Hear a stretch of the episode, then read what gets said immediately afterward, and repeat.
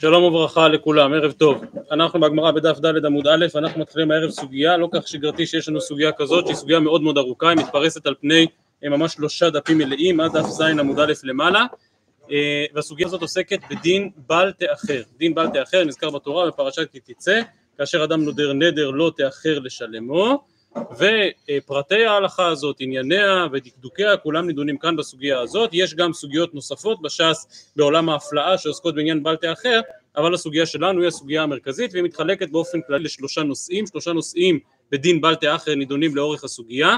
החלק האחד הוא עצם היסודות והעקרונות של ההלכה הזאת, מי עובר על בל תאחר, מי לא עובר על בל תאחר, מה בין מצוות העשה שיש להקריב נדר בזמן, להקריב קורבן בזמן, למלא את הנדר בזמן, לבין האיסור שבדבר, אז זה אם כן נושא אחד, העקרונות ויסודות של עצם ההלכה. נושא שני זה הגדרת איחור, מה נחשב לאחר? הרי א' ב' של לאחר זה, זה להגדיר זמנים, ברגע שהגדרתי זמנים אז מי שלא היה בזמן איחר, מהו הזמן שנחשב כאיחור? זו הסוגיה שבה נפתח הערב, זה הקטע הראשון כאן בגמרא, והשאלה השלישית זה במה נוהג איסור בל תאחר, באופן פשוט מדבר על קורבנות, כלומר אדם קיבל על עצמו להקריב קורבן, עולה, שלמים, תודה, וגם קורבנות שמוטלים על האדם כחובה, הוא עבר עבירה וצריך להביא חטאת או אשם, בכל הקורבנות הללו נוהג דין בל תאחר, אבל גם כפי שנראה מיד בברייתא בגמרא, בעצם דין בל תאחר רחב יותר ונוהג לא רק בעולם של קודשים אלא גם בתחומים נוספים כמו תרומות ומעשרות, מתנות עניים, הפרשת צדקה וכן הלאה זה הדרך. בתוך כל הדיון בשלושת העקרונות הללו בבל תאחר, בשלוש הסוגיות הללו בדין בל תאחר, מצאנו כאן כדרכו של תלמוד גם הרבה עניינים צדדיים שגם הגמרא וגם הראשונים עוסקים גם בהם. אז זה ככה מבט כללי על כל שלושת הדפים הללו, דף ד' ה' וו', אנחנו נלמד עכשיו את הקטע הראשון בגמרא, לאחר מכן נעבור לדף ששלחתי מקודם וננסה קצת להעמיק בכמה חקירות יסוד שהעלו ראשונים ואחרונים בעצם ההלכה הזאת בדין בל תאחר. אז אנחנו בגמרא בדף ד' עמוד א', מה העניין בל תאחר אצל מסכת ראש השנה? אז אחרי שסיימנו את הסוגיה שקובעת שניסן הוא ראש השנה למלכים, אנחנו חוזרים אל המשנה שקבעה שניסן הוא ראש השנה לא רק למלכים, אלא גם לרגלים. אומרת הגמרא ד' עמוד א' בנקודותיים לקראת סוף העמוד, רגלים באחד בניסן הוא, בחמישה עשר בניסן. כלומר ראש השנה לרגלים הוא פסח, זהו הרגל הראשון, אבל הוא לא חל באלף בניסן, הוא חל בט"ו בניסן, אז אולי היה צריך לומר במשנה, כמו על ט"ו בשבט, שראש השנה לאילן הוא בחמישה עשר בשבט, אז ראש השנה לרגלים הוא בחמישה עשר בניסן, לא באלף בניסן, עונה הגמרא, אמר רב חיסדא, רגל שבו ראש השנה לרגלים. כלומר, ניסן הוא ההתחלה של הרגלים, נכון? הרגל הראשון הוא בט"ו בניסן ולא באלף בניסן, אבל אף על פי כן בהיבט הזה, ניסן גם הוא נחשב ראש השנה.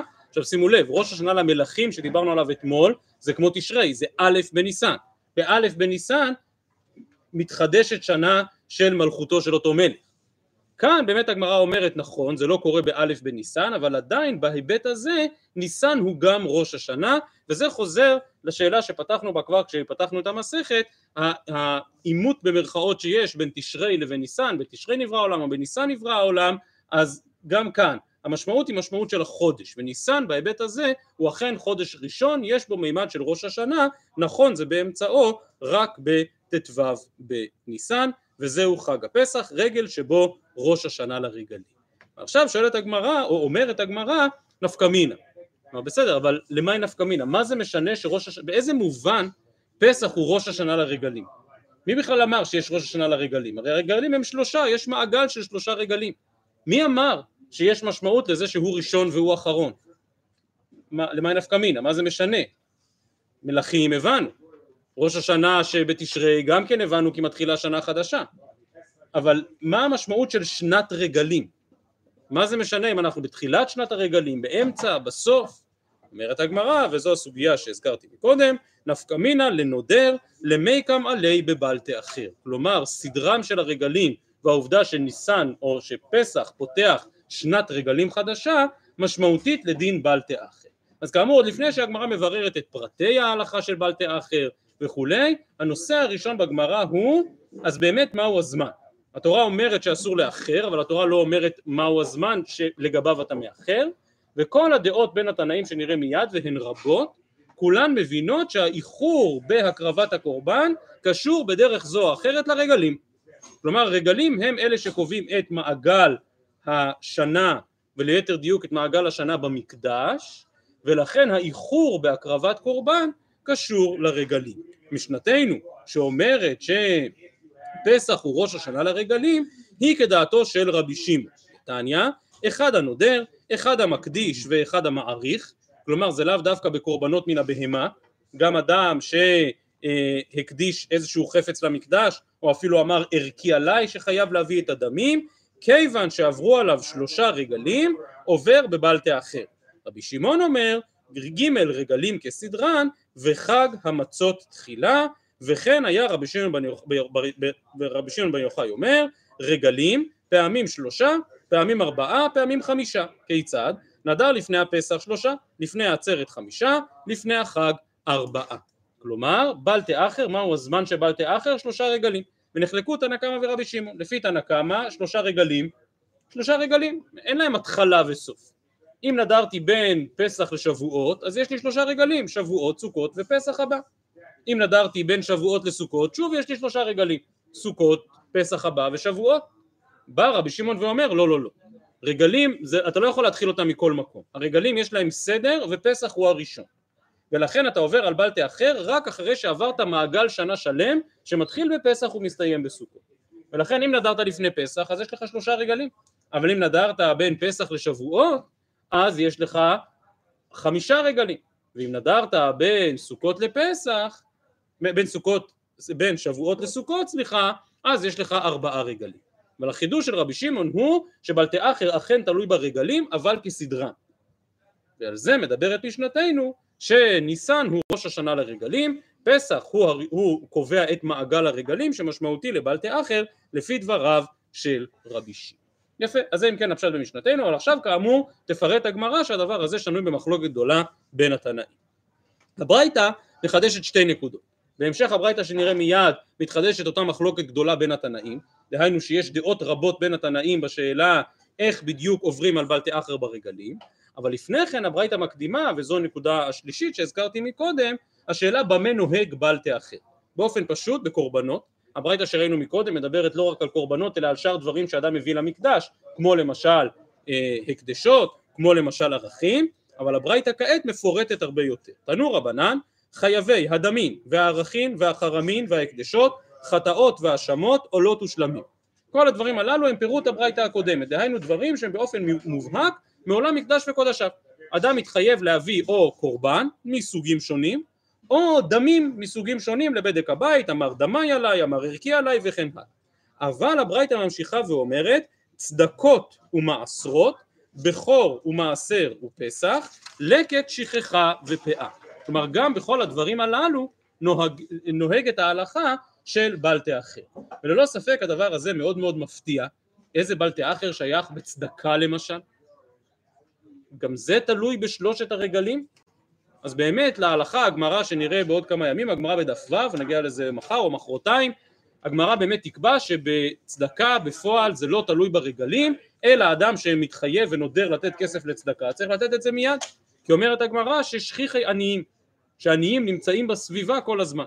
אבל השאלה של בלטה אחר בצדקה היא באמת שאלה מאוד מאוד נרחבת, הראשונים העריכו בה הרבה מאוד, כמו שמתחיל כבר בתוספות כאן לפנינו, אה, בדיבור המתחיל והחרמין ובדיבור המתחיל צדקות, ובאמת יש התלבטות מאוד גדולה, האם כאשר אני התחייבתי לתת כסף לצדקה, מה זה אומר? שאני צריך לתת את זה לעניים? או אולי מספיק שאני אתן את זה לגבאי הצדקה?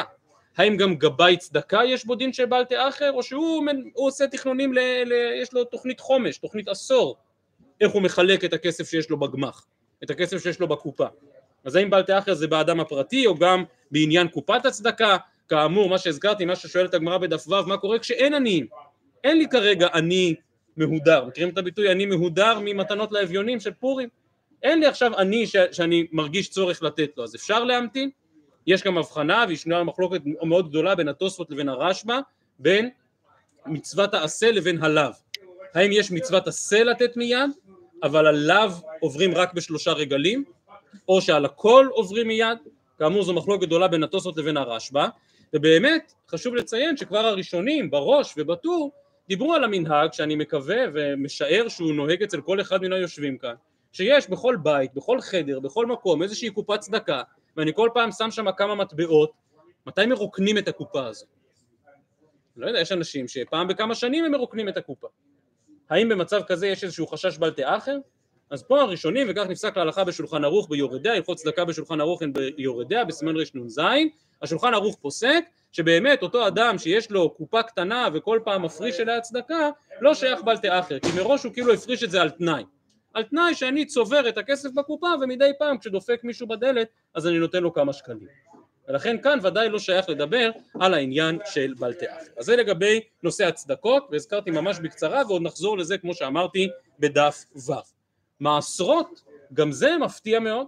האם יש דין בל תאחר במעשרות, בהפרשת תרומות ומעשרות? וכאן מבחינים התוספות הבחנה מאוד מאוד חשובה ועקרונית שיש סביבה למדנות מאוד מאוד גדולה כאשר לומדים ענייני תרומות ומעשרות. וזה ההבחנה שבין החיוב להפריש לבין החיוב לתת. יש לי בבית פירות של תבל, אבל אני לא מעוניין לאכול מהם. האם אני חייב להפריש מהם תרומות ומעשרות? אז כמו שאמרתי על הדבר הזה יש לומדס גדול בראשונים באחרונים, מתחיל מרש"י בגיטין ועתז בתחילת היורדיה, אבל גם התוספות כאן לפנינו בראש השנה בדף ד' גם הם מקור מאוד חשוב בהקשר הזה, והתוספות נוטים לומר שלא. אם יש לי תבל בבית אני לא חייב להפריש תרומות ומעשרות. זו לא מצווה חיובית, אלא מה שאנחנו קוראים בדרך כלל מצווה קיומית. מי צריך להפריש תרומות ומעשרות? מי שרוצה לאכול מהתבל. אבל אם אתה לא רוצה לאכול מהתבל אין שום סיבה שתפריש וגם לא שייך בזה בל תאחר. אתה בכל זאת חייב להפריש וזה חידוש על גבי חידוש בתוספות מתי? מקצה שלוש שנים.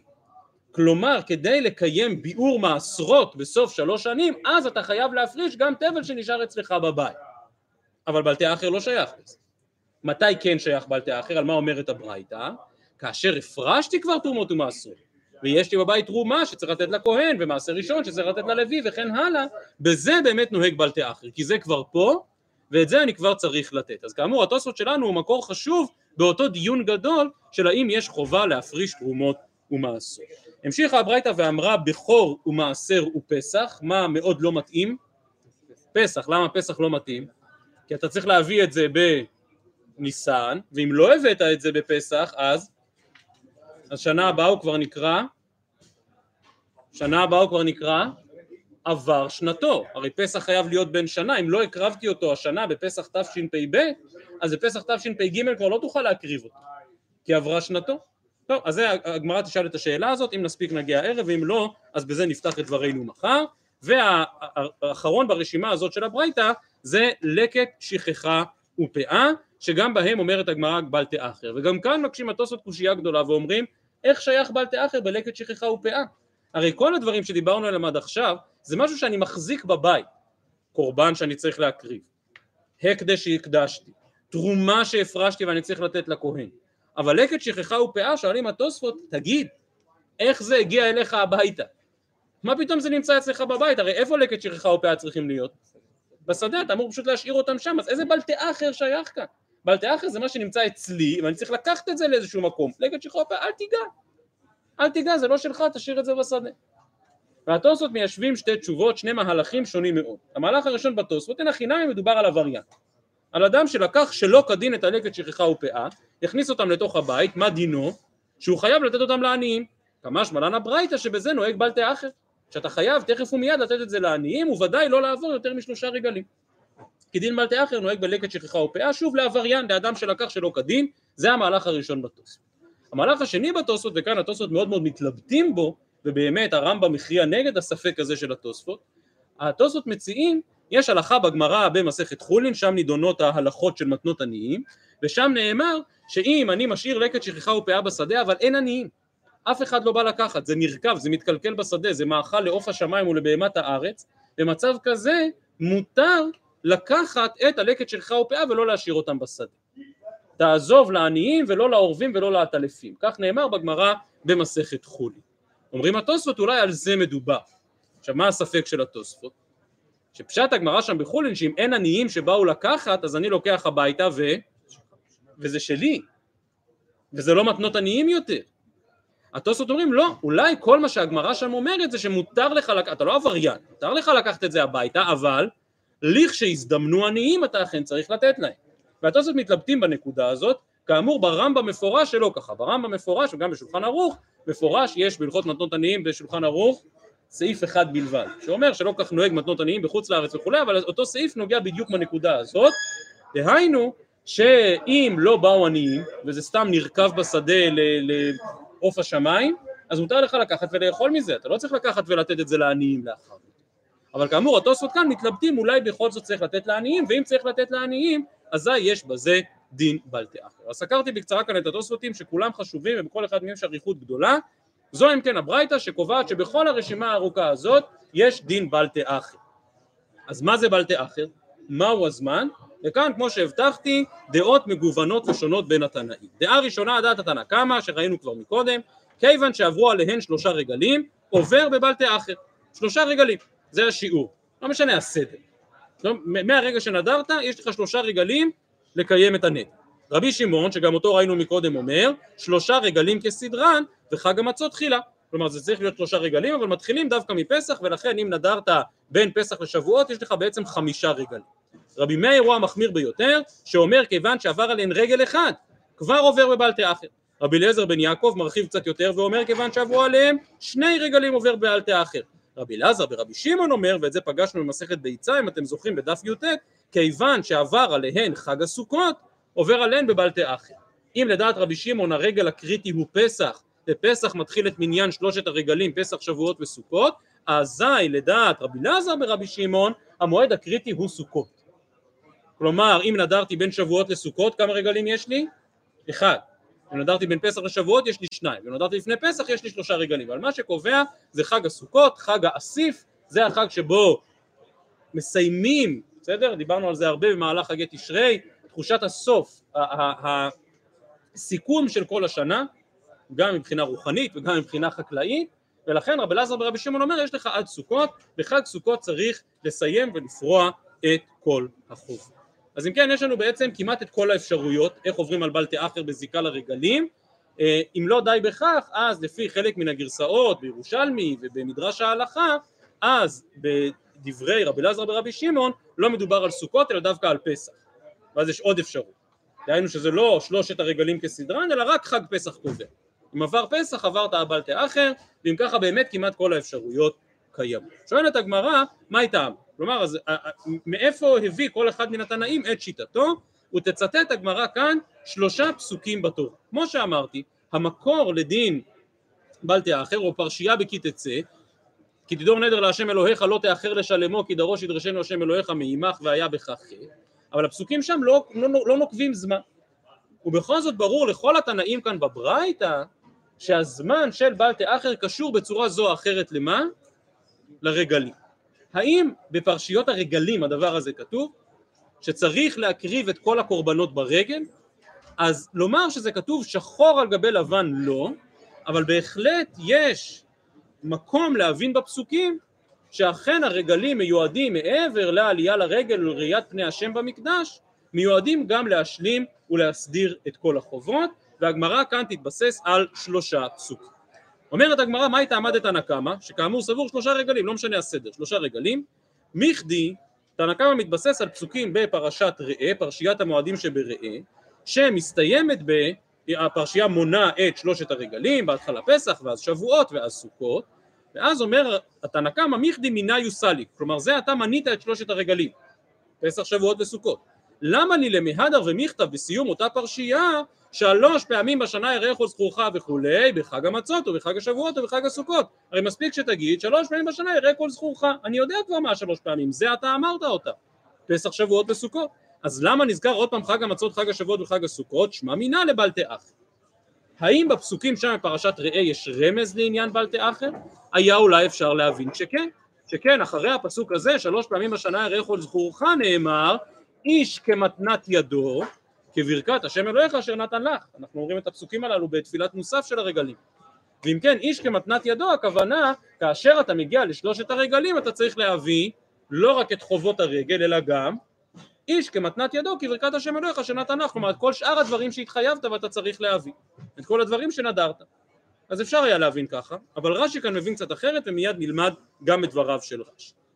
אז כן, זה התנא רבי שמעון אומר, אינו צריך לומר בחג הסוכות שבו דיבר הכתוב כלומר גם אם הכתוב כאן אומר שלוש פעמים חג השבועות וחג הס... אה, חג המצות חג השבועות בסדר זה היה תחילת הפרק אבל חג הסוכות זה אתה הזכרת אותו, אז למה להזכיר אותו עוד פעם בפסוק? אינו צריך לומר בחג הסוכות שבו דיבר הכתוב, כלומר הוא הוזכר אחרון, אז למה נאמר בכל זאת באותו פסוק שלוש פעמים בשנה, למה בכל זאת נאמר סוכות? לומר שזה אחרון.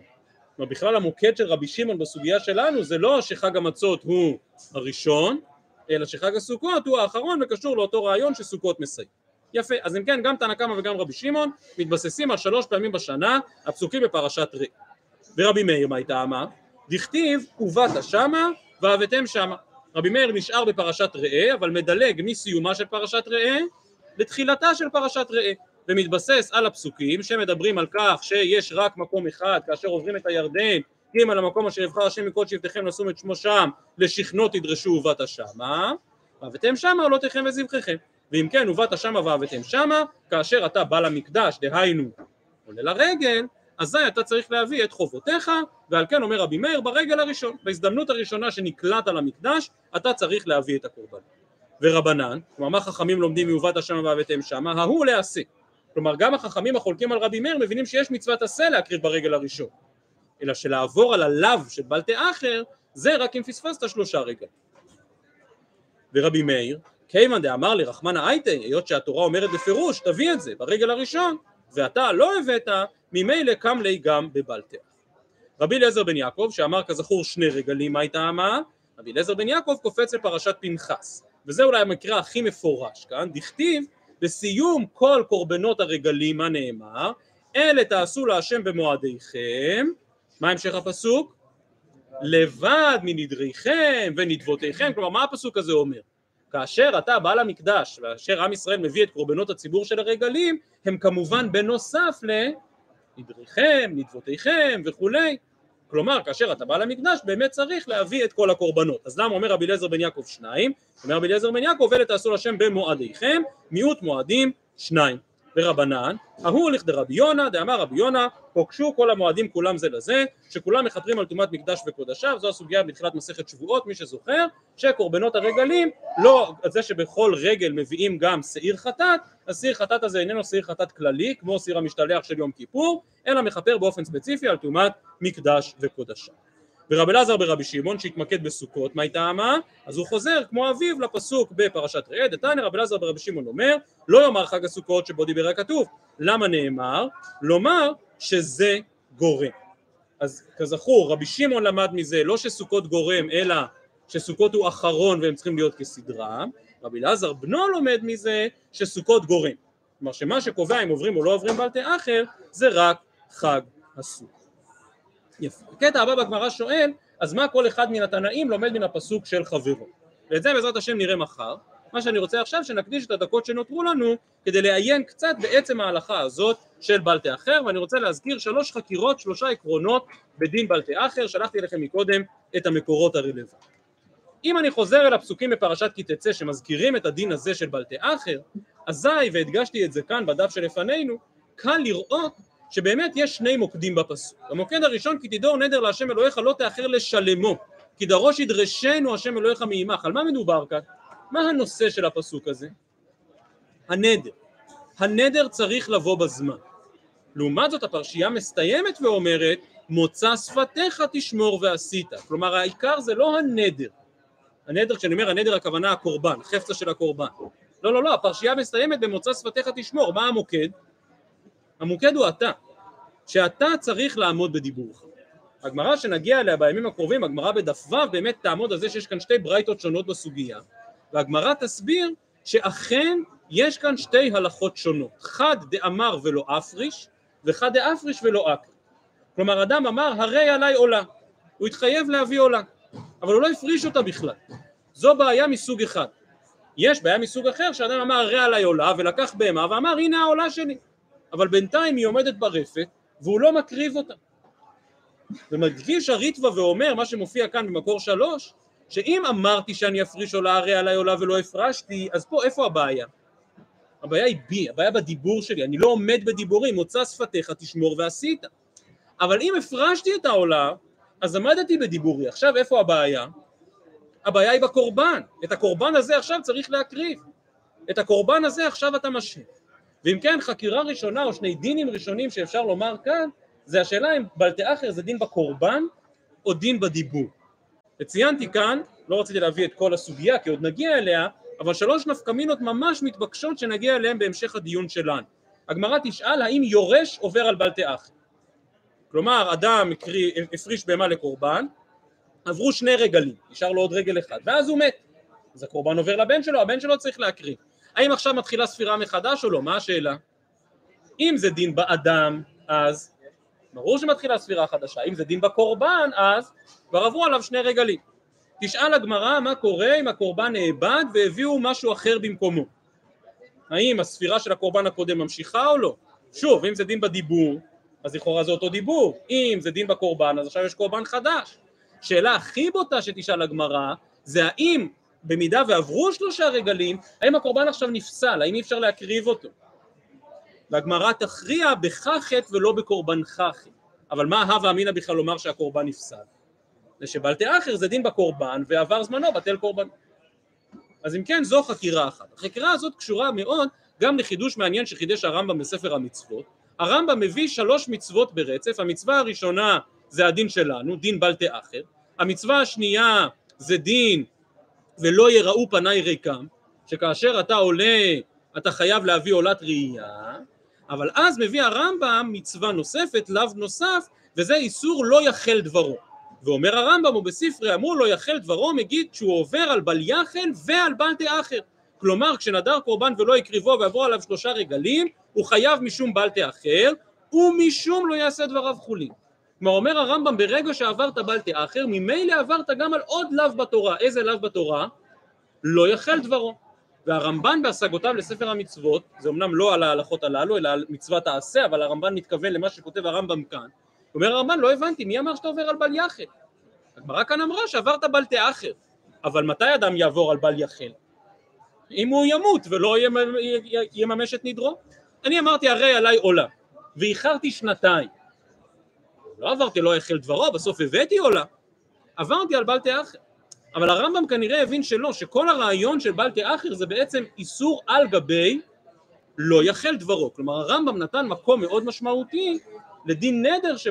לדיבור של האדם ולא לקורבן מצד עצמו. עד כאן חקירה ראשונה. חקירה שנייה קשורה קצת לטעם הדקרא, והרמב"ן בפירושו לתורה, שם על הפסוקים הללו בכית עצה, באמת אומר שדין בל תאחר קשור למשהו מאוד מאוד uh, טבעי. אדם מאוד מאוד שמח, או להבדיל לא עלינו מאוד מאוד עצוב, ולכן בשעת שמחה או בשעת עצב הוא נודר נדר, הוא אומר אני אביא קורבן. ושכבר הימים הבאים הכל נשכח, והחיים חזרו למסלולם, וחזרו לשגרה, ועכשיו הוא, הוא מתאחר עם הקורבן. על זה אומרת התורה לא תאחר לשלמו. כלומר על הפסיכולוגיה הזאת אומרת התורה שבאמת לא תאחר לשלמו. כלומר, מהפירוש הזה של הרמב"ן משמע שכל דין בל תאחר זה משהו שבא קצת לזרז מישהו שהוא טיפה בעייתי. כלומר במצב אידיאלי אם כל כך שמחת ממשהו ואמרת הרי עליי קורבן תודה אז אתה רץ לירושלים למחרת בבוקר ומקריב את הקורבן תודה. רק לאותם עצלנים במרכאות אבל לא רוצה לקרוא להם עצלנים אלא הם שוב אמרתי הם, הם בזרם החיים הם נשטפים. עבורם באה התורה לומר בל תאח כלומר זה מה שהגדרתי כאן זריזות למניעת איסור אבל אפשר להבין לחילופין שלא. אפשר להבין לחילופין שבאמת בל תאחר זה בא לא, לא לאנשים רעים או בעייתיים או, או לא מזדרזים אלא באמת צריך לקבוע תאריך יעד. זה לא הגיוני שאדם כל קורבן צריך להקריב בו, בו באותה שנייה. וצריך איזשהו תאריך יעד לקבוע עבור אותו קורבן. אולי זה קשור לאותו דיון שהזכרתי מקודם לסוגיה בדף ו' ולעובדה שהגמרא אומרת שבצדקה עוברים מיד כי כל הזמן יש עניים כלומר תאריך היעד בקורבן קשור לרגלים תאריך היעד בצדקה הוא תכף ומיד כי יש עניים. אילו כל הדין של בלתי אחר היה לזרז, אז נתנו לך זמן להתארגן. ולכן אולי גם בצדקה היה צריך לתת את זה. זה אולי גם קשור לתוספות שהזכרנו מקודם לגבי שני המהלכים בלקט שכחה ופאה. לפי המהלך הראשון, דין בלתי אחר פונה למי? לעבריינים. אתה עבריין, אתה לקחת את הלקט שלך ופאה שלא כדין. טוב, לקחת שלא כדין, לפחות אל תאחר את זה אצלך בבית. כי המהלך השני של התוספות, אנחנו בכלל לא מדברים פה על עבריינים. אלא זה באמת בא לקבוע איזשהו תאריך יעד שעד אליו צריך להתנהל. אבל הנקודה העיקרית שלמדנו הערב, וזה הסעיף השלישי ובו אנחנו מסיימים, זה שבאמת דין בל תאחר קשור במהותו אל הרגלים. ואני חושב שבשלושת הפסוקים שקראנו מקודם, וניסיתי להדגיש את זה, יש באמת אה, נימות שונות. הפסוק מתחילת פרשת ראה, הפסוק שרבי מאיר התבסס עליו, ובאת שמה והבאתם שמה, מה חסר מאוד בפסוק הזה? מה חסר מאוד בפסוק הזה? הרגלים. הרי הפסוק הזה לא מדבר על הרגלים, הפסוק הזה מדבר על זה שאי אפשר להקריב קורבן בכל מקום, אלא רק בירושלים. ובאת שמה והבאתם שמה. כלומר, מה רבי מאיר מבין? שמתי עוברים על בלטי אחר? כשבאת לירושלים ולא הבאת קורבן, אלא שסתם כך ביום של חול אתה לא מגיע לירושלים, מתי אתה מגיע לירושלים? ברגלים, אז ברגל הראשון שהגעת אתה צריך להביא קורבן. למאי נפקא מינה? לשאלה שגם המאירי, אני הבאתי את זה כאן מן הריטב"א, כבר ראשונים שואלים, מה דינו של אדם שגר בירושלים? האם גם אדם שגר בירושלים יש לו שלושה רגלים, או שלאדם כזה הוא צריך להביא תכף ומיד כי הוא בירושלים? והשפת אמת באמת פושט את הספק הזה, והשפת אמת, מי שלומד לפעמים שפת אמת על הש"ס יודע שהוא בכל מקום שואל שאלות, הוא לא מזכיר את הראשונים, לא כל הראשונים היו לפניו, אבל הוא תמיד שואל שאלות של ראשונים, וגם כאן. הוא לא מזכיר את הריטב"א, לא מזכיר את המאירי, אבל שואל בדיוק את השאלה הזאת. האם אדם שגר בירושלים עובר בלטי אחר? זה מאוד מתאים להשקפת רבי מאיר. דהיינו שמה הקשר לרגלים? אין קשר מהותי בין בלטי אחר לרגלים. רגלים זה רק יחיתים צילמה, יחיתים צילמה, להגיע לירושלים. אל תגיע לירושלים בלי הקורבן שלך. זו הבנה אחת. לעומת זאת, כמו שהדגשתי מקודם, הפסוק בפנחס מדבר על קשר יותר מהותי לרגלים. כלומר, אלה תעשו להשם במועדיכם כל הקורבנות, ויחד איתם גם נדבותיכם, עולותיכם וכולי, כל מה שאתם מחויבים. ועכשיו אני רוצה לחזור לדברי רש"י שאמרנו מקודם. על הפסוק שממנו למדו רוב התנאים, שלוש פעמים בשנה יראה כל זכורך, אז אמרנו מקודם, אולי הדיוק זה מאיש כמתנת ידו כברכת השם אלוהיך. כלומר שאתה צריך גם את, הנדבות שלך להביא, אבל רש"י לא מסביר כך, אומר רש"י, שמע מינא לבלתי אחר דאחי כאמר, היו נראים לפניו לשלם נדריכם ולא תבואו ריקם. כלומר אומר רש"י שזה חלק מראיית הפנים באזהרה. כאשר אתה נדרש שלוש פעמים בשנה לראות פני השם באזהרה, אז נכון צריך עולת ראייה, אבל החובות שלך הם חלק מן הראייה. ככה רש"י מסביר. נפקא מינה הפוכה, קודם שאלנו מה דינו של מי שגר בירושלים, שואל הטורי אבן, כידוע הטורי אבן זה השגס אריה בחידושיו כאן לראש השנה, אין טורי אבן על כל מסכתות הש"ס, רק על שלוש, אבל יש על ראש השנה, ואומר הטורי אבן, באמת אדם שמאיזושהי סיבה לא עלה לרגל, לא עבר בל תאחר. הוא ביטל מצוות עלייה לרגל, אבל בל תאחר לא עבר. כי שוב, זה חלק מן העניין של ראיית פני השם בעזרה וגם הסטייפלר בקטע האחרון כאן בדף מאוד מדגיש את הנקודה הזאת שיש מימד של בל תאחר שהוא עצם העובדה שהגעתי לירושלים ויש מימד של בלטי אחר שקשור לעובדה שלא סתם נקלעתי לירושלים אלא לעלייה לרגל וחלק מראיית פני השם. הרבה יותר ממה שאמרתי לפניכם כתוב כאן כי הסוגיה היא באמת סוגיה עצומה אבל ניסיתי לפחות לגעת בעיקרי הדברים מחר בעזרת השם נחזור ונשלים ונמשיך את השקלא וטריא כאן בגמרא בהתחלה על המקורות מניין למדו רגל אחד, שניים, שלושה ולאחר מכן הרישא של הברייתא מניין שבכל אותם דברים שהם לא קורבנות עדיין נוהג הדין של בתי אחר כל אלה ועוד בעזרת השם מחר